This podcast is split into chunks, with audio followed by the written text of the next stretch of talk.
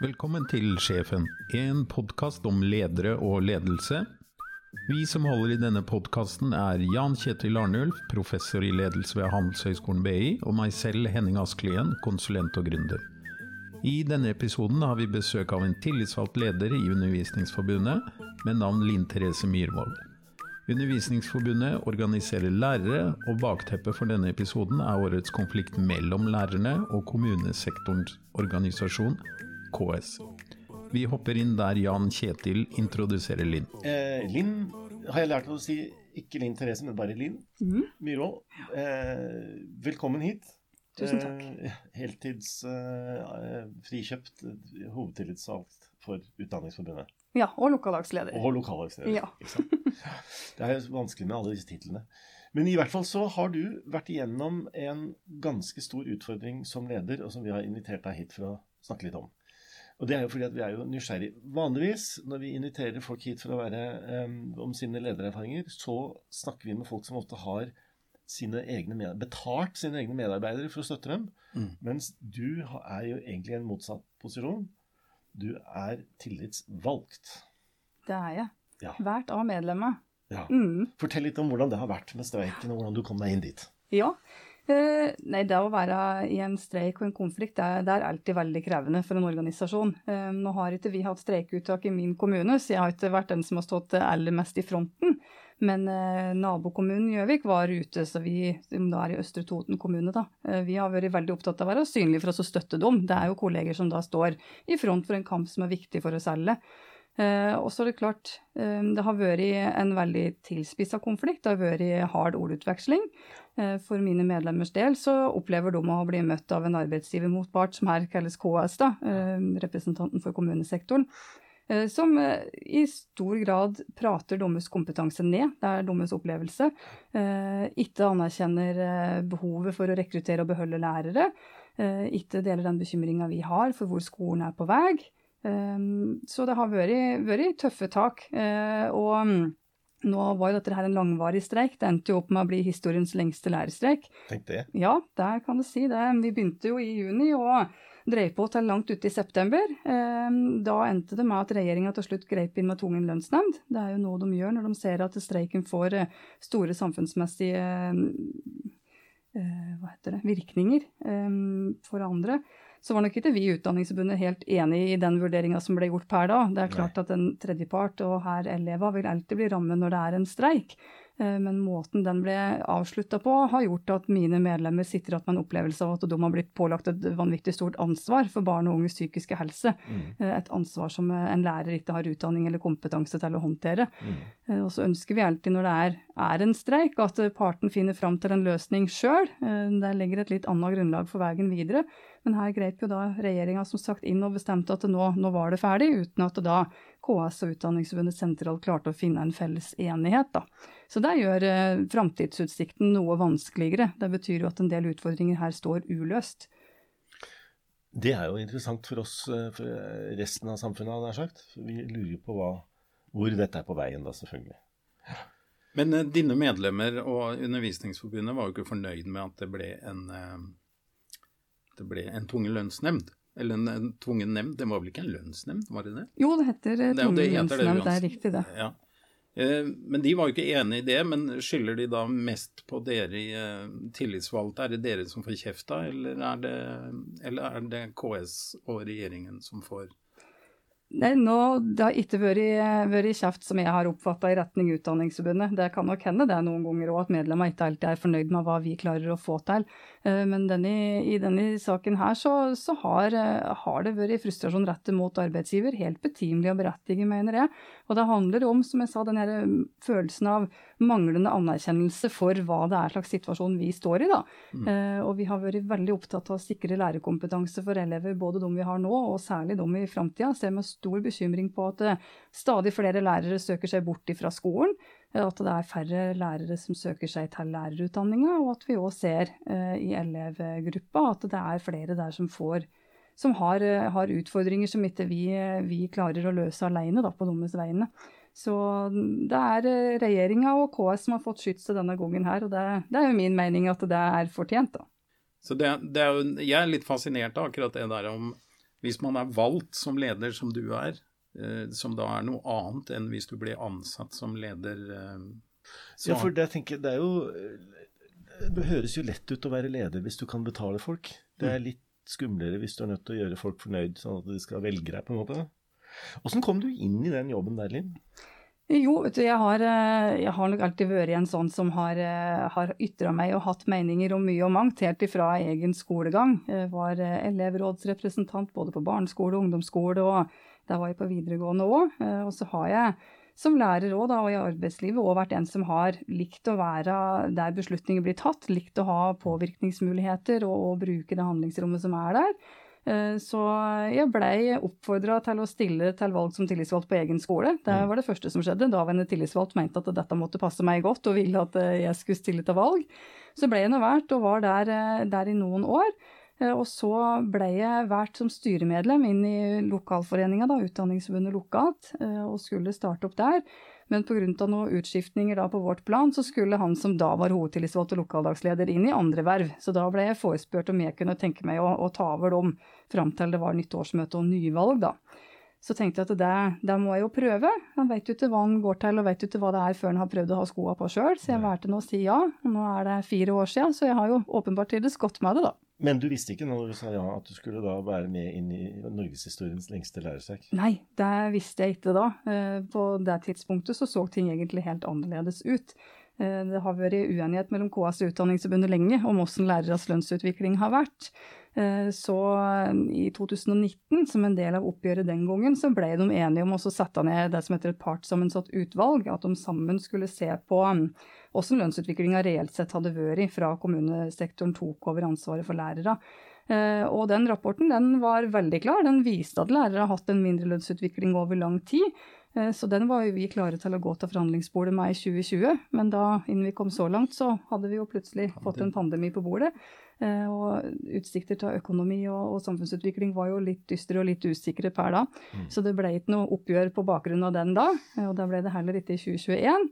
Så da hadde vi jo forhåpninger om at når vi nå kom til hovedoppgjøret i 2022, så måtte vi i hvert fall ta dette her fatt. Men så har vi jo da opplevd en motpart som har eh, sett helt annerledes på det nå da, enn det vi gjorde i fellesskap i 2019. Ja. Hva kommer det av? Hva er forskjellen på 2019 og nå? Nei, det er ikke så lett for meg å si hva som er forskjellen på det. Ehm, for medlemmene mine så oppleves det jo som en uredelighet her ifra arbeidsgiver. Nå er det kanskje urettferdig å være såpass hard med dem da, når de ikke er her og kan svare for seg, men jeg som tillitsvalgt er jo pekt ut til å prate på medlemmenes vegne. Men det er klart at um, KS er òg opptatt, sier de, eh, av lærere, og at lærere skal ha riktig utdanning og kompetanse. De er opptatt av å, av å ha en god skole. Eh, og de prater mye om det, men vi opplever ikke at det gjenspeiler seg i handling, da, eller i verdsetting i et eh, lønnsoppgjør. Men det er òg sånn at kommune, KS skal jo ivareta hele, hele interessefeltet til kommunesektoren. Det betyr jo òg den økonomiske ramma. Så det er jo ikke bare manglende vilje, tror jeg, da, blant KS. De må prioritere de midlene de har til rådighet. Eh, og det er jo regjeringa som bestemmer størrelsen på pengesekken som kommunesektoren har å forholde seg til. Så her er det jo flere aktører inne som mm. har noe, er en del eller er en form for en part, eller i hvert fall har en rolle i det, da. Eh, kan vi, jeg jeg syns jo dette er interessant. Jeg har, jeg har, lyst til å løpe inn i det spørsmålet om hva man ønsker å betale for og ikke ønsker å betale for. Men før vi glipper eh, deg som leder, så tenker jeg bare Åssen har det vært for deg å stå i dette her under den streiken? Altså, hva, hva, hva, har vært utfordringen for deg? og hvordan har du opplevd selve rollen din? Mm. Uh, nei, jeg har uh, opplevd det tidvis som, uh, som, utfordrende å stå i. Han er jo, I den rolla jeg har, så er han jo den som skal være ut og fronte det ut for andre. Um, så, og det er jo, når vi er i konflikt, så er hele forbundet i konflikt. Så jeg har heller ikke hatt noe samarbeid med arbeidsgiver på mitt plan da, i kommunen. Eh, men det er en del av jobben da, å være ute og kommunisere medlemmers synspunkter og være der og prøve å løfte fram det de er opptatt av. Mm. Og forventningene er høye, eh, og vi ønsker jo å levere til det beste på dem. Men samtidig så er det noe med hva er det som er realistisk å oppnå her òg. Så å finne en balansegang i dette her, da, for å ja, både prøve å Hva skal si Prøve å eh, skape ei bru da, mellom hva medlemmene forventer og ønsker å få ut, og hva vi tenker at vi kan klare å få ut i dette oppgjøret og neste. At dette det har ikke vært mulig å få full uttelling i ett oppgjør, men at vi må tenke dette som flere steg, da tenke det som en litt lengre prosess. Det er jo en del av min jobb å, å prøve å kommunisere òg til medlemmer. Så, men det er ingen som ønsker oss å, å være i konflikt. Det er ingen, eh, ingen av medlemmene av Utdanningsforbundet som ønska å være noen annen sted enn i klasserommet, men det var sånn situasjonen ble. Vi mente det var helt nødvendig. Eh, og at det er vi er oppriktig bekymra for den utviklingen vi ser skolen er på vei inn i. Mm. Når, du, når, du, kommuniserer, eh, foregår det veldig mye én-til-én telefonsamtaler? Det blir jo veldig hektisk i en sånn konfliktperiode. Og, og da som leder så, så, får du vel eh, mange telefoner fra de som har stemt deg inn i posisjonen din, og, og de stiller jo da sine personlige krav om hvordan Det må jo ha påvirket hvordan du både hvordan du håndterer situasjonen, men også hvordan du viderekommuniserer. Ja, det er helt klart. Eh, nå har jo jeg noen tillitsvalgte under meg også, som er tillitsvalgte ute på arbeidsplasser, så mye av kommunikasjonen går jo via dem. Eh, men det er viktig for meg å være, være synlig, og at medlemmer kan se i lokalavisa eller høre på lokalradioen at vi er ute og fronter deres meninger, og at, de, at det er synlig for dem, den jobben vi gjør. Um, og det jeg er aller mest opptatt av, er jo å lytte til hva er det som opptar dem. Hva er det de vil at vi i Utdanningsforbundet skal jobbe for? Um, så er de mange nok til at en ikke kan ha en direktelinje eller telefonkontakt med hver enkelt. Uh, men vi legger til rette både for at uh, de skal ha arenaer der de kan komme til løst, type medlemsmøter, eller uh, at de kan sende inn saker og innspill via tillitsvalgt på arbeidsplassen. Og så er jeg ute og besøker dem på arbeidsplassen deres og er ute og hører og får møte dem der da, og får tak på hva de er opptatt av. Så den dialogen er jo kjempeviktig. Mm. Ja, har du rådgivere i det nasjonale apparatet til Utdanningsforbundet som bidrar hele tiden? Som jurister og ja, psykologer òg kanskje, Jan Kjetil, at de har sånn på laget? Ja, Det kan godt være, men det jeg sitter og tenker på, er jo som gammel lederutvikler som alltid får det spørsmålet om ledelse er født eller medfødt eller er noe man lærer seg, så tenker jeg at du har hatt ganske mye trening opp gjennom tida. Du har, du har hatt en del verv, mm. og trivdes med å ta de vervene. Det, det, er jo en slags kompetanse det å, å holde et sånt verv. Um, det, jeg, nå sier, unnskylder jo du på en måte at du går løs på motparten din her. sånn, Det tenker jeg, det er lov. Er, de er ikke her, og har, vi har ikke spurt dem heller. Men, men, men, de kan få komme hvis de vil. Men, um, men, jeg tenker jo uansett at du er jo, etter mitt skjønn, sånn som du legger det fram nå, så legger du jo fram en, en forhandlingssituasjon hvor det er motparter, og hvor du forstår spillet, og hvor det ikke er helt lett for deg alltid å fronte tilbake til dine egne medlemmer. da, At uh, det er et spill som går begge veier, dette her. Mm. Ja, det er klart det er det. Eh, og ja, som jeg var inne på, jeg tror ute KS nedprioriterer lærere av vond vilje. De har eh, det handlingsrommet de har. Eh, men det som har vært særlig utfordrende for, for, vår del, er jo at vi ser at lærere blir nedprioritert gang på gang. Nå var det jo sjette året på rad at lærere fikk et dårligere oppgjør enn resten av de kommuneansatte. Og det det er klart at da, Sånn kan det ikke fortsette å være hvis vi vil beholde lærere i skolen. Eh, det må jo KS se sjøl òg. Men eh, ja, Ser de det? Eller, eller, kommer de med annen statistikk? Ja, det, det er, de sier jo at de er opptatt av det, da, men gjennom handling så, så syns jo ikke jeg at det, at det gjenspeiles der. Og det er vel det medlemmene er opptatt av òg. Men, eh, men, det er litt ulik inngang til dette her. Vi har bl.a. noen tall som sier noe om, om lærermangel. Eh, der KS forholder seg til tall som kommuner rapporterer inn sjøl, eh, som sier at eh, stand mellom 94 og 96% av de som er i lærerstillinger, har, er kvalifiserte. Mens Utdanningsforbundet har forholdt seg til SSB sine tall, som sier at én av fem som er tilsatt i lærerstillinger, mangler lærerutdanning.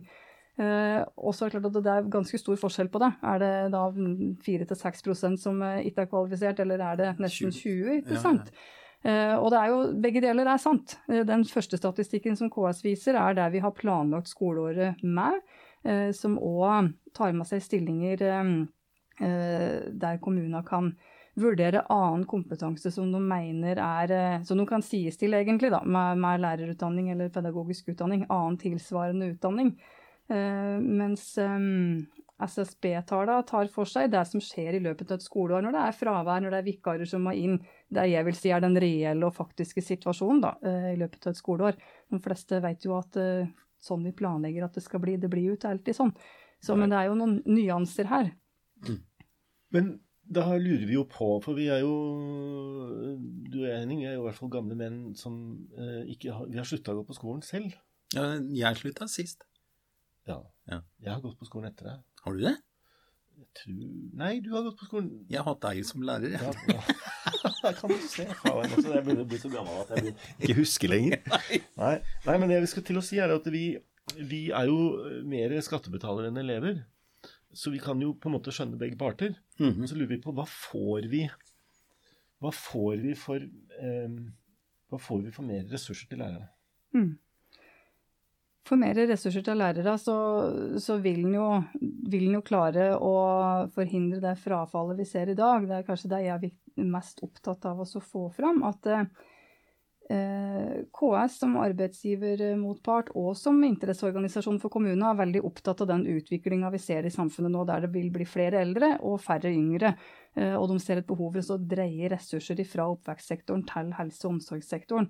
Og jeg er helt enig i at det er sånn den demografiske utviklinga går, eh, og at det vil bli et økt behov der. Men da mener jeg at det er enda viktigere enn før at vi lykkes da, med å få flest mulig ut i utdanning, flest mulig ut i jobb.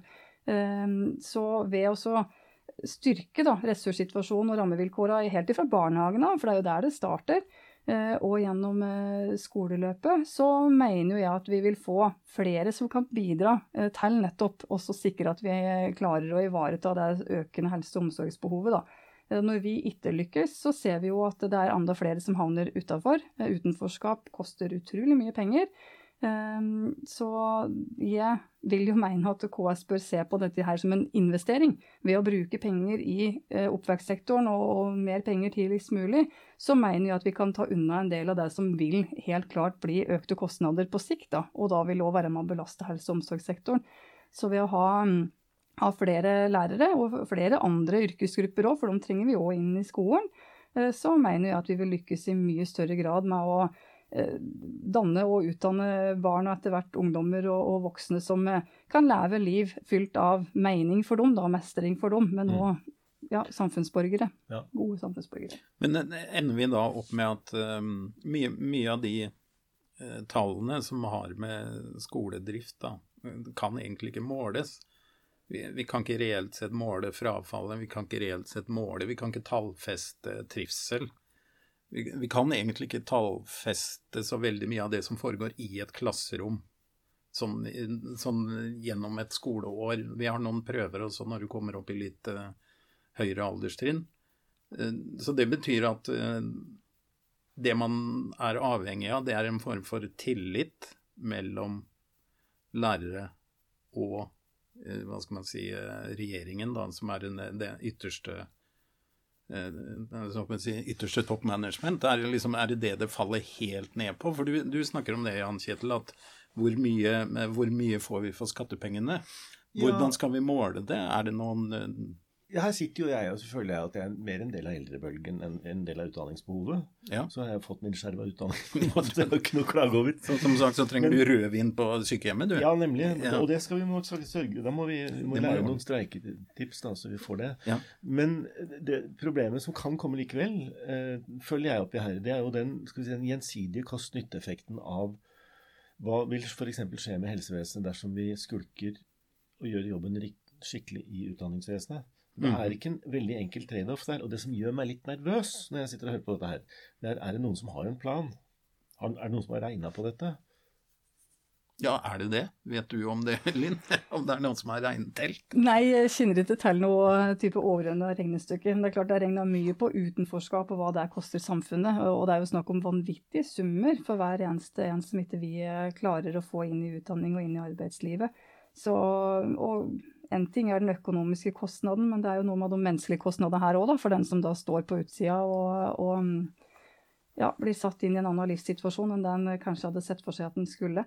Men eh, det er jo, det er jo noen det er store visjoner, og, og alle som prater om skole, prater jo om store, store vyer og i store ord, eh, og har store tanker om hva skole og utdanning skal bidra til. Men vi opplever jo ikke at eh, disse ordene og handling alltid henger godt sammen. Da. Nei, ikke sant. Og her er det jo noe av min bekymring kommer for dagen. da, fordi at Jeg har jo en fortid som leder av en PP-tjeneste. Det er så lenge siden, det var lenge før du begynte skolen.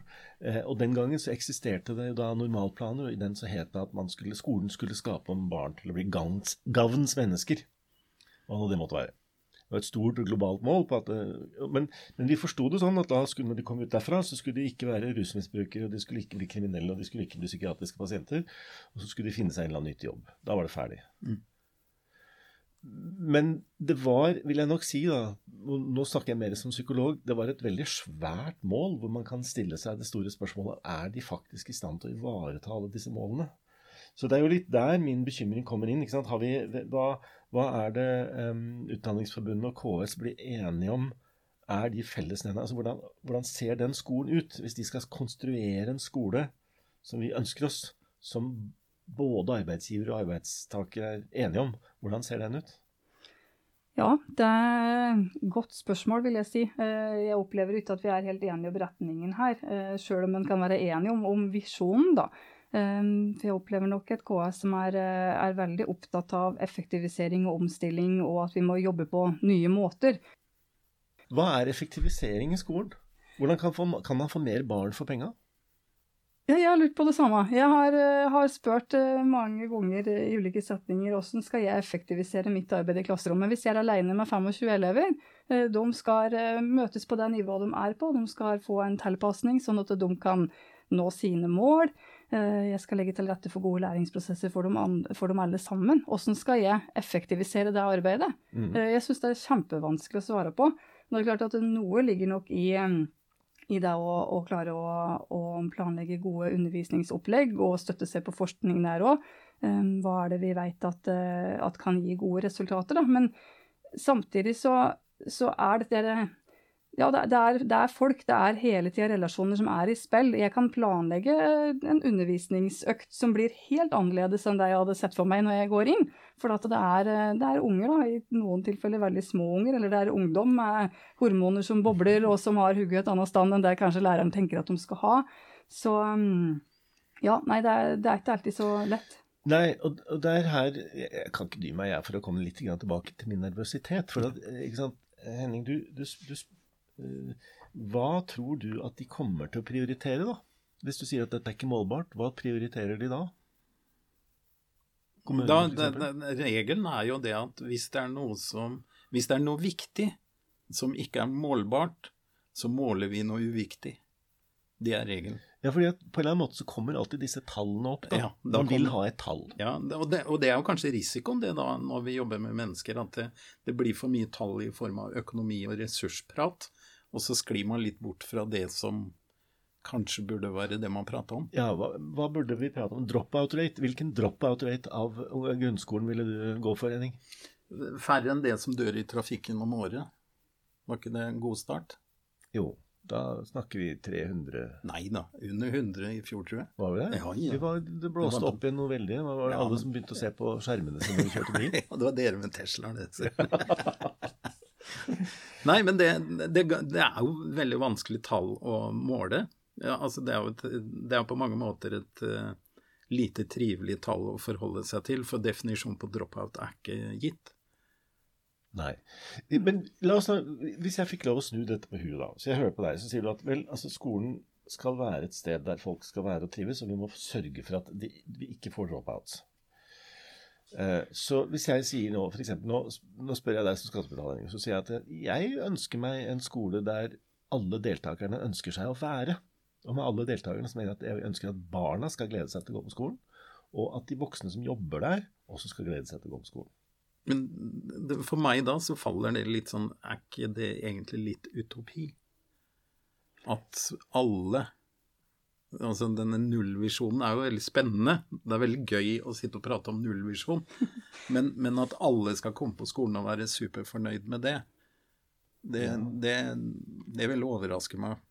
At det skulle skje. Du, du, du, må på en måte Du må tolerere at noen som kommer på skolen, absolutt ikke vil være der. Og du får en, grå, du får en gruppe med, med man skal si, en, en gråsone med elever som Men det er et interessant spørsmål. Da. Er det et prioritert mål? Du, Akkurat som nullvisjonen i trafikken.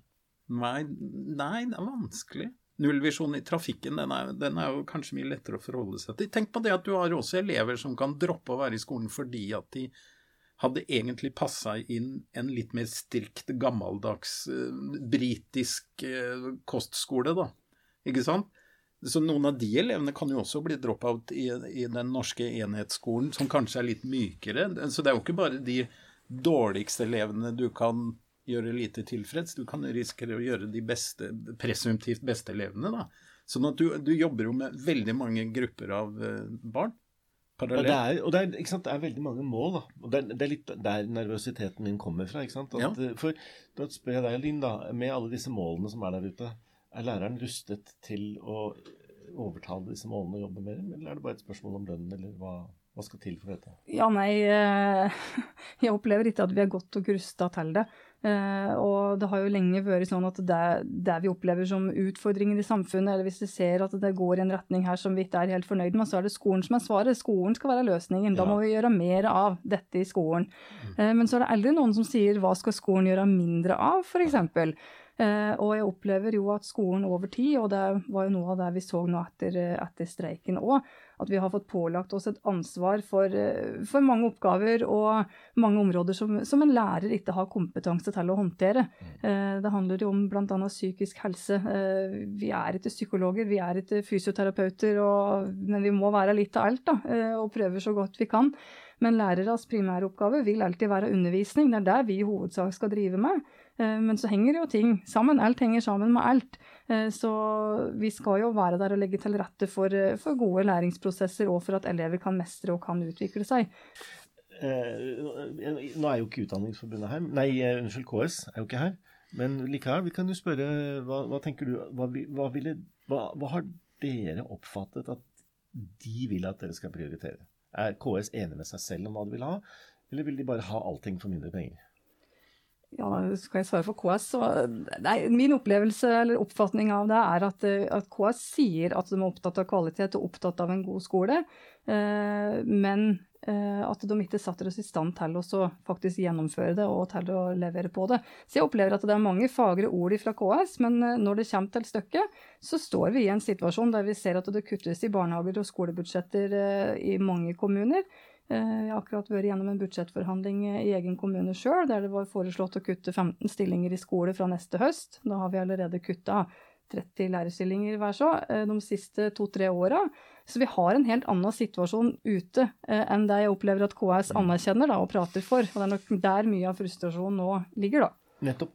Så nå, dette her er jo egentlig en samtale om ledelse, der vi har jo eh, den interessante situasjonen at du leder folk som da, du ikke har betalt selv. Um, som sikkert vil ha noe fra deg tilbake. Da. Men det som, grunnen til at jeg driver og borer i dette her, da, litt sånn um, fra et faglig perspektiv, det er å tenke at vi må jo ha i et, både i et forhandlingsspill og i et politisk spill så må man ha en slags felles visjon. Altså hvor det er det vi skal, for at vi skal bli enige og komme over konflikter. Sånn, hvor er det vi skal hen? Og Jeg tenker vel fortsatt at det høres ut som for meg da, at um, det, det, i hvert fall det signalet som du sier at du oppdager, er at bare alt Vi skal bare ikke bruke så mye ressurser, men det skal ikke foretas noen prioritering. Mm. Det er en av, en, kanskje en av fordommene jeg har om velgere. Mm. Inkludert meg selv, selvfølgelig. Ja, ja. Eh, om at velgere krever av politikerne at de flagger fanesaker. Og at de derfor ikke kan f.eks. flagge den saken at det skal være fint å komme på skolen. Eh, det er veldig mye som handler om effektivitet i læring. Jeg vil mm. gjerne at eh, skolen finner fram til det geniet som mitt barn selvfølgelig er, og stimulerer det mest mulig. ja, Sånn at det kan bli hva det vil. Hva innebærer det at man kan bli hva man vil? Nei, jeg vet ikke. Jeg bare hørt at alle barn kan bli hva de vil. Mm, ja, jeg vil gjerne kaste meg på den, hvis det er lov. Eh, ja, gjør det. Ja, da. Jeg er eh, en av dem som reagerer veldig på det, men det, det, er helt sant. Det er jo det vi har sagt og det vi har kommunisert til barn og unge nå i lang tid, at du kan bli hva som helst. Bare du jobber hardt nok, så kan du bli akkurat hva du vil i hele verden. Eh, og i mitt hus så er det å legge et vanvittig stort press på små unger og på og ungdom. For sånn jeg hører det, så ligger det òg i det at da er det ditt ansvar. Hvis du mm. ikke lykkes, hvis da, du ikke blir det du vil, eller du, du, ikke får til noen ting, eller du ikke klarer å komme deg gjennom utdanningsløpet, så er det din skyld, for du hadde alle muligheter i verden, mm. men du klarte ikke å bruke dem. Uh, og det vil ikke jeg være med på at en skal legge på barn og unge. da. Det, vi skal være med og sette dem i stand til å uh, ta gode valg for seg sjøl. Uh, de skal finne en eh, vei ut i arbeidslivet som gir mening for dem, og noe som, eh, som gir dem noe godt. Eh, Det er ikke så farlig for meg om de, eh, om de blir fagarbeidere, eller om de vil studere høyere utdanning og gå en helt annen vei, men at de finner mening eh, og lever meningsfulle, gode liv for seg sjøl og kan bidra til samfunnet. da. Det er det kanskje Hvor langt er det lov for lærerne å si det? I skolen, tenker du? eller? Ja, ja, ja. Ja.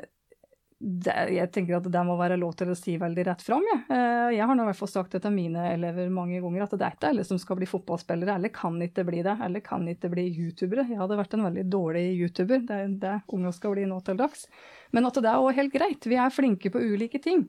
Eh, Og vi skal finne, finne hva vi er gode på, og, og hva som gir oss mening sjøl. At da må det være rom for å være forskjellige, da. Så at ja. Men kan, kan skolen si til elever at vår oppgave er å lære dere å overleve i et samfunn som ikke alltid er det de gir seg ut for? Det, det, er jo, det er jo helt korrekt å si. Kan man si det? Ja, det vil jeg tro at man kan si. Men det, det var jo det her med også kanskje være eh, Våge å si at man må være litt kritisk. eh, Man må ha et kritisk blikk på, blikk på verden rundt seg. Både det samfunnet man lever i, de systemene man er i. Det er lov å ha et eh, sunt kritisk blikk, og det vil da passe inn med igjen. Ta, ta et sånt eksempel da, Henning, som vi kunne hatt fra øh, mer sånn BI-relatert. Men det er, jeg har øh, sagt på fleip noen ganger at grunnskolen burde hatt et fag som het profitologi. Hva er det? Jo, det er også å lære barn til å gjøre det som lønner seg best for dem til enhver tid. Ja, men lønne seg Ja. Ja, ikke B, men jeg tror på BI, sitt, sitt språk så vet vi hva det betyr å lønne seg. Ja, men nå prøvde jeg å, å, å ta det litt mer på en generell basis. Ja, du sier til, sier til barn, Hør her, barn. Eh, lærere, rektorer, arbeidsgivere og politikere kommer til å si veldig mye rart til deg i årene som kommer. Mhm. Eh, til syvende og sist, du står på egen hånd. Det du skal lære her, er å ta egne valg og ikke tro alt som blir fortalt deg. Mhm.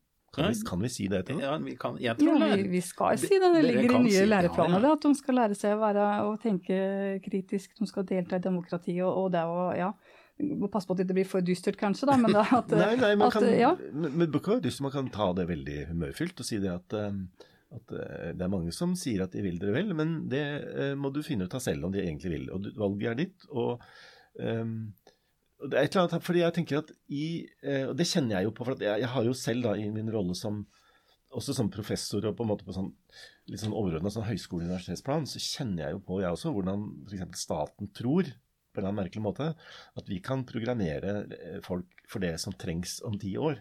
Eller i all verden skulle vi vite hva det er folk trenger om ti år. Ja, ikke. kjangs. Men vi skal jo altså, det skal være et samsvar mellom læreplan, lære, læringsutbyttebeskrivelsene, som det nå heter så fint, og hva samfunnet har behov for seinere. Mm. Um, så det ligger jo i dette en slags eh, tanke om at vi skal kunne klare å programmere de menneskene istedenfor å fortelle de menneskene at vi prøver så godt vi kan å gi deg noe som er nyttig, men til syvende og sist så er det jo på egen hånd. Men, men det du sier der, at det, har vi jo hørt noen ganger, at politikerne sier at vi må, vi må planlegge for hva som kommer. Altså Vi må utdanne mennesker til det vi trenger om ti år, som du sier der. Men eh, du som jobber som lærer blant elever, Linn, det er vel ikke vanlig at du når fram med sånne budskap til dagens elever? De, de har ikke noe forhold til ditt synspunkt om hva som kommer om ti år, de, eller har de det? Hva, hva, Nei, altså, jeg kan jo ikke si hva som kommer om ti år, jeg heller, for det har jeg jo ingen svar på. Og det er jo her vi ser en, en, en dreining i hva skolen er, og, og hva det er å være lærer, egentlig hele lærerrollen nå, og læreplaner. Eh, Vi har jo gått ifra å ha nærmest en liste over punkter, og at dette er faktakunnskap som alle elever skal ha, og alle skal lære disse tinga her, til at det nå handler mer om nettopp kritisk tenkning, det å være i stand til å reflektere sjøl, lære å lære, lære å utvikle seg, og, og forberede dem på at den, den jobben de òg utdanner seg til, er ikke sikkert er den jobben de skal stå i i all framtid. De har kanskje hatt foreldre, eller i hvert fall besteforeldre sjøl, som tok en utdannelse, og så har de jobba innenfor det yrket gjennom hele livet. Og det er ikke sikkert at disse unga skal. Kanskje skal veldig få av dem det. Så det ligger jo, jo til vårt eh, samfunnsoppdrag, det, eh, å forberede dem på det. Eh, Jeg husker at når jeg begynte i PP-tjenesten, så var noen av mine medarbeidere var lærere og spesialpedagoger som var mye eldre enn meg. Veldig flinke, erfarne, tidligere sånne, ordentlige sånne lærerdamer, som jeg tenkte på det sånn. Og som hadde lært Lærerinner het det den gangen. Ja, den gangen. het det lærerinner. Ja. Og da sa de faktisk at eh, De fortalte meg helt seriøst at når de gikk på lærerskolen, så hadde det blitt fortalt at du må ikke smile før etter jul. Oi. De, altså de, det var sånn klar beskjed. Ikke smil til klassen før etter jul første året. Da kommer de til å ta seg til rette. Og det, det, Jeg trodde jo de tulla med meg, men det, sa, det hadde de lært, altså. Mm. Så det er klart, de tingene der har endret seg. På den annen side så er det jo som du sier, Linn. Du, du påpeker jo det, Linn, at de der, du kan bli hva du vil, og hvis ikke du gjør det, så er det din skyld. Så kan man tenke seg at det ligger jo i dette også Hvis, hvis det sosiale, den, den sosiale settingen der blir for um, grunn, på en måte, så ligger det jo fortsatt et rom for mange skal vi si, hyklerske spill som da fører til en avvisning. Eh, Jeg er bekymra for, jeg er bekymret for skolevegring. Jeg tenker at det jeg, har, i hvert fall, jeg vet ikke, jeg er ikke så god på statistikken her, men jeg har sett en del tilfeller av det og vært bekymra for det. Mm. Mm. Ja, det er en veldig bekymringsfull utvikling. Eh, helt klart. Både, både stresset som en del elever gir uttrykk for at de står i. Eh, vi har mobbetall som fortsatt er høye, og, og økt skolevegring er, er jo òg noe av det vi ser. Og Hvis en setter det i sammenheng med det vi ser på lærersida òg, med lærere som eh, i økende grad søker seg bort fra yrket, eh, manglende søkertall til utdanninga og, og et frafall da, fra nyutdanna, eh, så er det jo alt der vil jeg si er signaler på at det er noe i skolen som ikke funker sånn som vi vil. Og jeg er helt med på dette med at skolen må være en plass der, der både unger og voksne kan trives sammen. Eh, Trivsel og, og trygghet er kjempeviktig for å legge et godt grunnlag for god læring og god utvikling. Så når vi ser da, det jeg vil kalle symptomer da, på at, eh, på at vi ikke helt lykkes, så, så må, vi, må vi endre på noe. Eh, Så ligger nok noe av det eh, på læreren og hva læreren kan få til. Eh, Men noe ligger nok òg på kanskje annen kompetanse da, enn der læreren kan bidra til. Så da er vi inne på det laget da, rundt barn og, og eleven, og det å få flere inn. F.eks. sosialfaglig personell i skolen, vernepleier eller barnevernspedagoger, har jeg erfaring med å jobbe med sjøl og kan tilby noe helt annet av sosial støtte da, enn det jeg som lærer kan. Eh, Og særlig fordi at jeg som lærer hele tida har ansvaret for ei klasse med flere individer i. eh, Så hender det jo at det er noen individer som trenger mer støtte underveis da enn andre. Så ha noen andre som kan være tettere på da, mens læreren kan få rommet til å være læreren og lederen for klassa. Ja. Det vil helt klart styrkes, sånn jeg ser det. Du har jo en, eh, Den parten som er foreldre, er jo også en sentral del av det å jobbe som lærer. som Du må, du må jo forvalte en relasjon til eh, foreldre, og det kreves jo også en del Du skal jo ha litt kunnskap om eh, mennesker for å kommunisere med foreldre òg. Ja, Apropos det, ha, føler du at altså lærerkompetansen, blir den sett? Altså, eh, Hva det vil si å være en god lærer, liksom, vet vi det? Er det, er det noen ting som Utdanningsforbundet vet, og som KS kan se, eller er det Ja, nei, sånn KS har kommunisert nå gjennom, eh, gjennom konflikten, så har deres budskap vært at det er eh, mange, mange med annen type utdanning som kan gjøre en like god jobb som en lærer, sjøl selv om de er i en lærerstilling. Så eh, verken jeg eller medlemmer jeg representerer opplever at KS ser verdien av lærerkompetanse da, og lærerutdanning. Eh, Tvert imot. Men eh, at andre ser den, og at vi er opptatt av det, det, det mener jeg helt klart. Og vi har jo sagt det nå gjennom hele streiken, bare lærere er lærere. Vi har en særegen kompetanse på relasjoner, på fag, på det å legge til rette for læring, eh, på å gi god støtte, eh, som vi mener at trengs da, for å være i den rolla, og som vi mener at andre ikke har. Eh, Og du kan ha Noen har jo studert eh, nordisk språk f.eks. betyr ikke at du nødvendigvis er en kjempegod norsklærer. Det er den kombinasjonen da, av pedagogikk og didaktikk og det faglige som gjør at eh, vi har en spesiell kompetanse å tilby. Så det er, det er jo mye der konflikten og streiken egentlig handla om. Lønn var en stor del av det. og kan hende jeg har sagt det, men jeg kjenner ingen lærere som eh, ble lærere fordi de tenkte at de skulle bli rike. Men eh, lønn henger òg sammen med opplevd anerkjennelse. Så når du opplever at du blir prata ned av arbeidsgivermotparten din, at kompetansen din blir eh, devaluert og nedvurdert, og du heller ikke får noe lønnsmessig uttelling, så, så sitter du igjen med en følelse av at du er lite verdsatt, da, og at den kompetansen du tilbyr og, og syns er viktig sjøl, ikke blir oppfatta sånn fra arbeidsgivermotparten. mm. Mm. Men er det, det er jo interessant. I, i, i en streiksituasjon, i en konfliktsituasjon, så blir jo, da blir jo, jeg håper å si, eh, sablene kvesset. Men det er vel blyantene som blir spisset her når det gjelder lærere, antar jeg. Antagelig. Ja. Men da, da har man jo en situasjon hvor man bruker et veldig skarpt språk. Men normalt sett så må jo KS og lærerne samarbeide. Utdanningsforbundet og de andre organisasjonene som eh, må samarbeide med KS, de må jo eh, finne en plattform å, å, å samarbeide på hvor, eh, hvor liksom disse skarpe salvene ikke blir benyttet hele tiden, for det blir så vanskelig å møte. Ja. Så, man, man, så til vanlig så vil det jo være Det vil jo være et, en, en, et, et sykdomstegn i arbeidsgiver-arbeidstager-situasjonen at man alltid har, er kvasse mot hverandre. Da. Det vil jo være veldig Det er jo ikke noen mulighet til å nå fram til hverandre hvis man bare er sint. Nei, det er ikke så konstruktivt å bare være sinte. og det er klart at Som parter så er KS og Utdanningsforbundet forplikta til å samarbeide. Så det er kanskje noe av det som kan være krevende i min rolle òg i ettertid. At jeg har medlemmer som uh, sier at de har ingen tillit, eller i hvert fall veldig liten tillit til KS, mm. og vil ikke at Utdanningsforbundet skal forholde seg til dem i det hele tatt. Uh, så må jeg være med og si at men, men det, det, er vi nødt til. Ja, og hvis ikke vi tar den plassen, uh, bl.a. i en tillitsreform da, som regjeringa nå har lova at, eh, at, vi skal få i offentlig sektor. Hvis ikke vi er der, eh, for det KS er der, så da holder vi oss unna, så gir jo det større spillerom til KS eller til andre med å fylle den tillitsreformen med innhold. Så vi er nødt til å være der, og vi er jo nødt til å finne en vei sammen med KS. Mm. Dette er ikke noe noen parter klarer å løse alene. Men det er klart at det er, det er mye tillit som skal bygges opp igjen her. Eh, og mange opplever nok at den, det er en veldig bratt bakke vi skal ta fatt på nå. Uh, og da kan vi ikke ha en arbeidsgivermotpart som bare sier at tillit går begge veier, og så sier at de er opptatt av, lærer, opptatt av lærerkompetanse. Da må de vise det med handling òg. Eh, man må finne en felles uh, plattform, en felles visjon som ja, man jobber ut ifra. Det må man.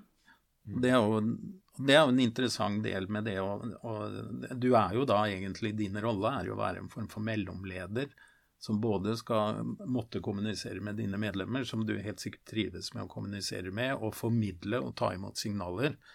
Og selvfølgelig filtrere. For den som er mest gæren av disse her, som er så sint på KS at han freser, det er jo ikke noe vits å slippe fram alt dette heller.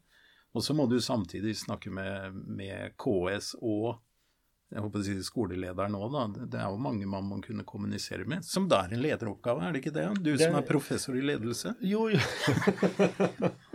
jo takk for den. Men, men, det er jo sånn at uh, det, altså Dette ordet visjoner er jo et sånt, visjoner er noe folk får når de får feber, egentlig. ikke? Men, men i, rent faktisk så må vi jo være enige om hvor vi vil. Altså Vi må i hvert fall en slags enighet om hvor vi vil. Så det er det, det er muligheten til å tegne et felles bilde her, da, mm. eh, som flest mulig kan være med på å underskrive. At ja, dette er en plan, dette er en måltilstand vi ønsker oss, dette er vi ønsker å ha. Og der, eh, Jeg tror ikke nødvendigvis at eh, velgerne til de politikerne som da eh, kjører KS, uh, at altså, Den velgerskaren vet nok heller ikke alltid helt hvor de vil hen. ikke sant? Så det er mange Det er nok ganske stor dynamikk, tenker jeg, rundt dette. Og fordi at skolen er et sted som um, du har sagt, da, Line, at det er jo, alle har gått på skolen. Alle har barn som går på skolen, eller et barnebarn som går på skolen, eller sånn. Mm. Og, men jeg tenker jo det, Henning, at det, det er jo noe Hva er det heter for noe når vi holder på med dette alternativkostnader i strategi, er det ikke det? Mm. Altså, hvis, hvis skolen mislykkes i sine oppgaver, og barna dropper ut, mm er de da gratis? Forsvant det der en kostnad? For deg som skattebetaler?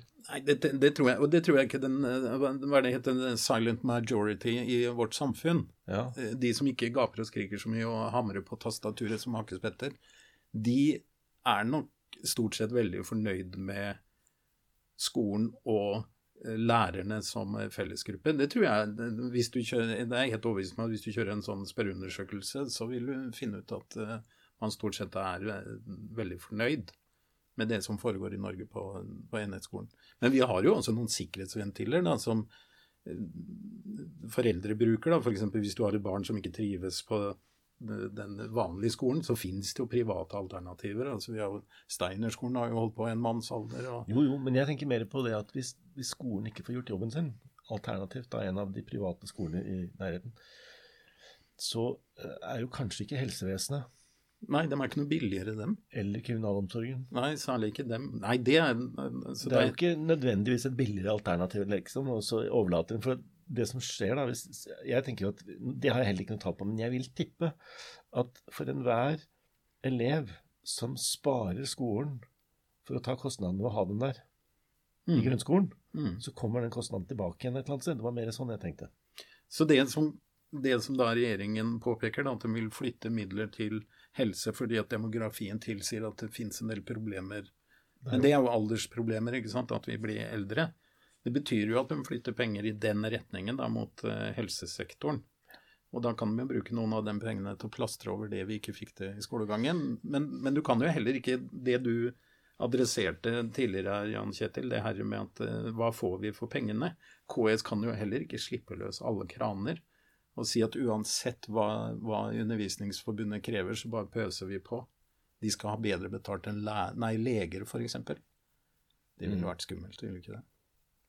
Ja, ja, altså jeg skal ikke, Vi skal ikke her spille den ene arbeidstakergruppen ut mot den andre. Det, det synes jeg, det, det, det er liksom, Vi kan ta den seinere, skal ikke en samfunnsøkonom fordype oss i det. Men, men jeg synes jo at det, det som jeg syns er veldig veldig interessant, da, når, når vi nå har Linn her, og så hører for nå har hun stått i dette her i Norges altså lengste lærerstreik. Mm. Noen, øh, og hørt alle argumentene og fått juling fra både liksom, Staten kom, måtte gripe inn, så det, vi skjønner at det har vært høy stemmebruk fra mange her. Så jeg tenker, du har vel hørt de fleste av de argumentene som kan brukes, har vært opp i løpet av det halvåret som gikk.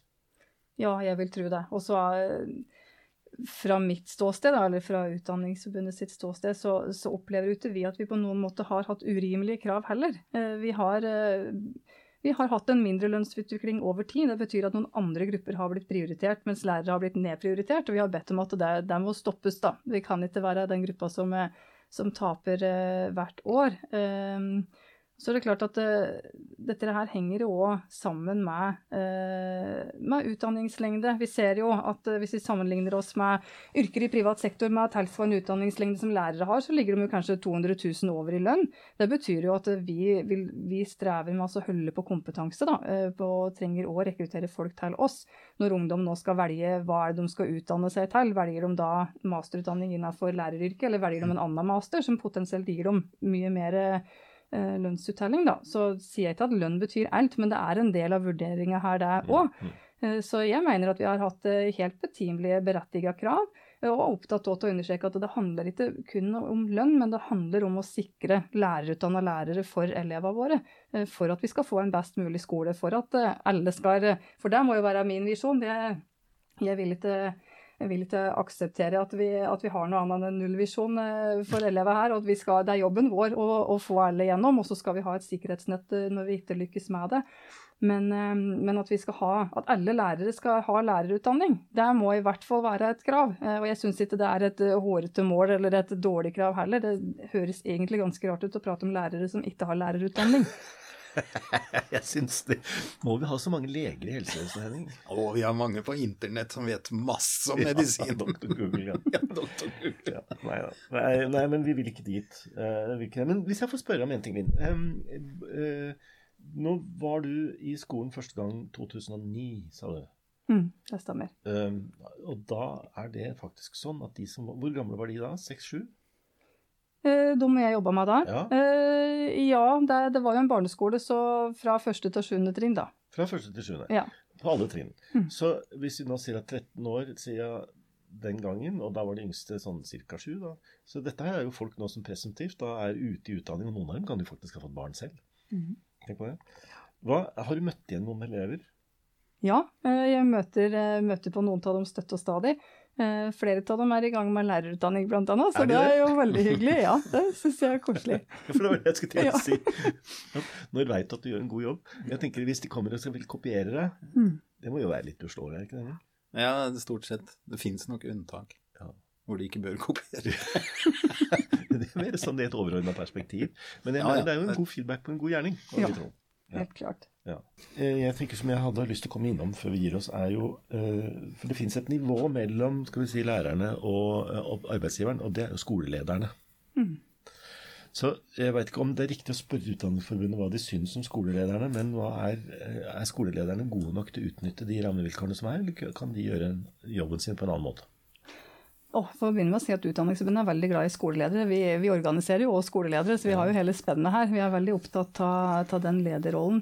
Eh, men hvorvidt de bruker handlingsrommet sitt varierer nok veldig. Eh, både hva de får spillerom til fra nivået over seg, men her har jeg lyst til å trekke fram den tillitsvalgte òg.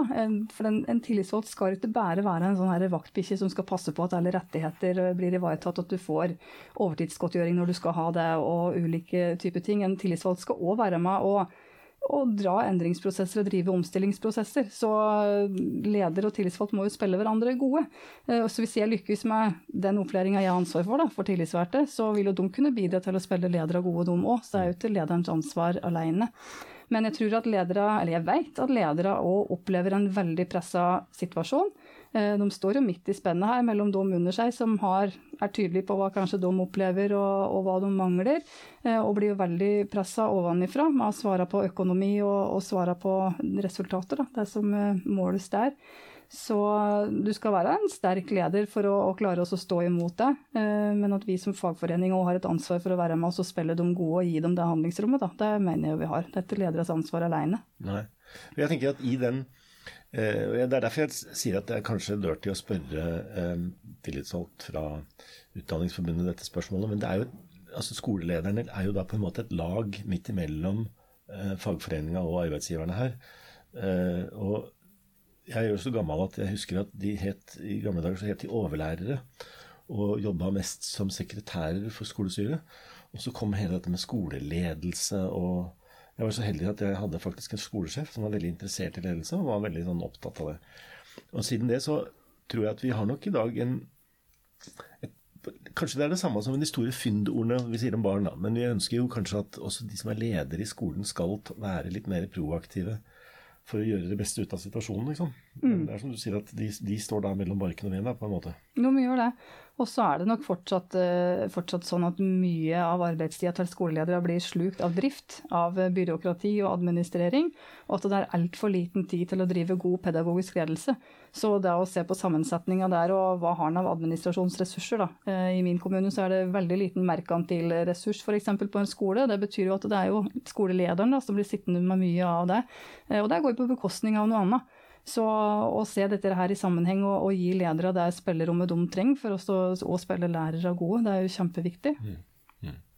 Det er jo det samme problemet i alle sammenheng hvor, hvor man er leder, at man ramler jo veldig fort ned i den daglige driften av administrasjonen, og så glemmer man menneskene man skal lede. Mm. Så det er jo ikke noe Det er jo kjent i flere ja, Eller at man da blir gående selvfølgelig og drive organisasjonen videre sånn som den alltid har vært drevet. For at du får ikke det er vanskelig å bli proaktiv og, og, og endre noen ting. Da, for at Du er bare glad for at du klarer å holde trå vannet på det som er. på en måte. Men, men, det blir jo også en del av det. Nå, nå jobber jo da KS og Undervisningsforbundet med en form for tillitsreform. Og i ordet ligger vel da at uh, dere ønsker å møte hverandre mer på, på hva, hva, er visjonen? Hva er, hva er det vi ønsker å oppnå med, med skolen? Eh, nei, men Det du snakker om, jo, er jo at i den tillitsreformen så må det jo være rom altså Det er jo det som er vitsen med en tillitsreform. Da. Det er på en måte å skape et større rom for aktørene til å forme skolen ettersom de mener er fornuftig, basert på sine lokale forutsetninger. Mm. Mm. Sånn må det jo være. Ja. Men det er lettere sagt enn gjort, det der, tenker jeg. altså. Det er det. Ja, det er det. Og for å gjøre det enda vanskeligere, så er det jo regjeringa som har bestemt at vi skal ha en tillitsreform. Eh, og så skal vi sammen fylle den med innhold, og så trekker vi litt i ulike retninger, opplever jeg. Eh, og dette til å legge skjul på at mange lærere var krystallklare nå etter den KS-streiken i høst på at de har ingen tillit, eller i hvert fall minimal tillit, til KS som arbeidsgiverorganisasjon. Eh, hvorpå KS sine representanter svarer at tillit går begge veier. Så men vi må jo bygge oss Vi må, vi må finne en vei etter dette her sammen, eh, hvis vi skal klare oss å løse det som er samfunnsoppdraget vårt, og klare å lykkes med en god skole. Så å stå på hver sin kant og si at en ikke har tillit til hverandre, det, det fører ingen gode steller, det heller.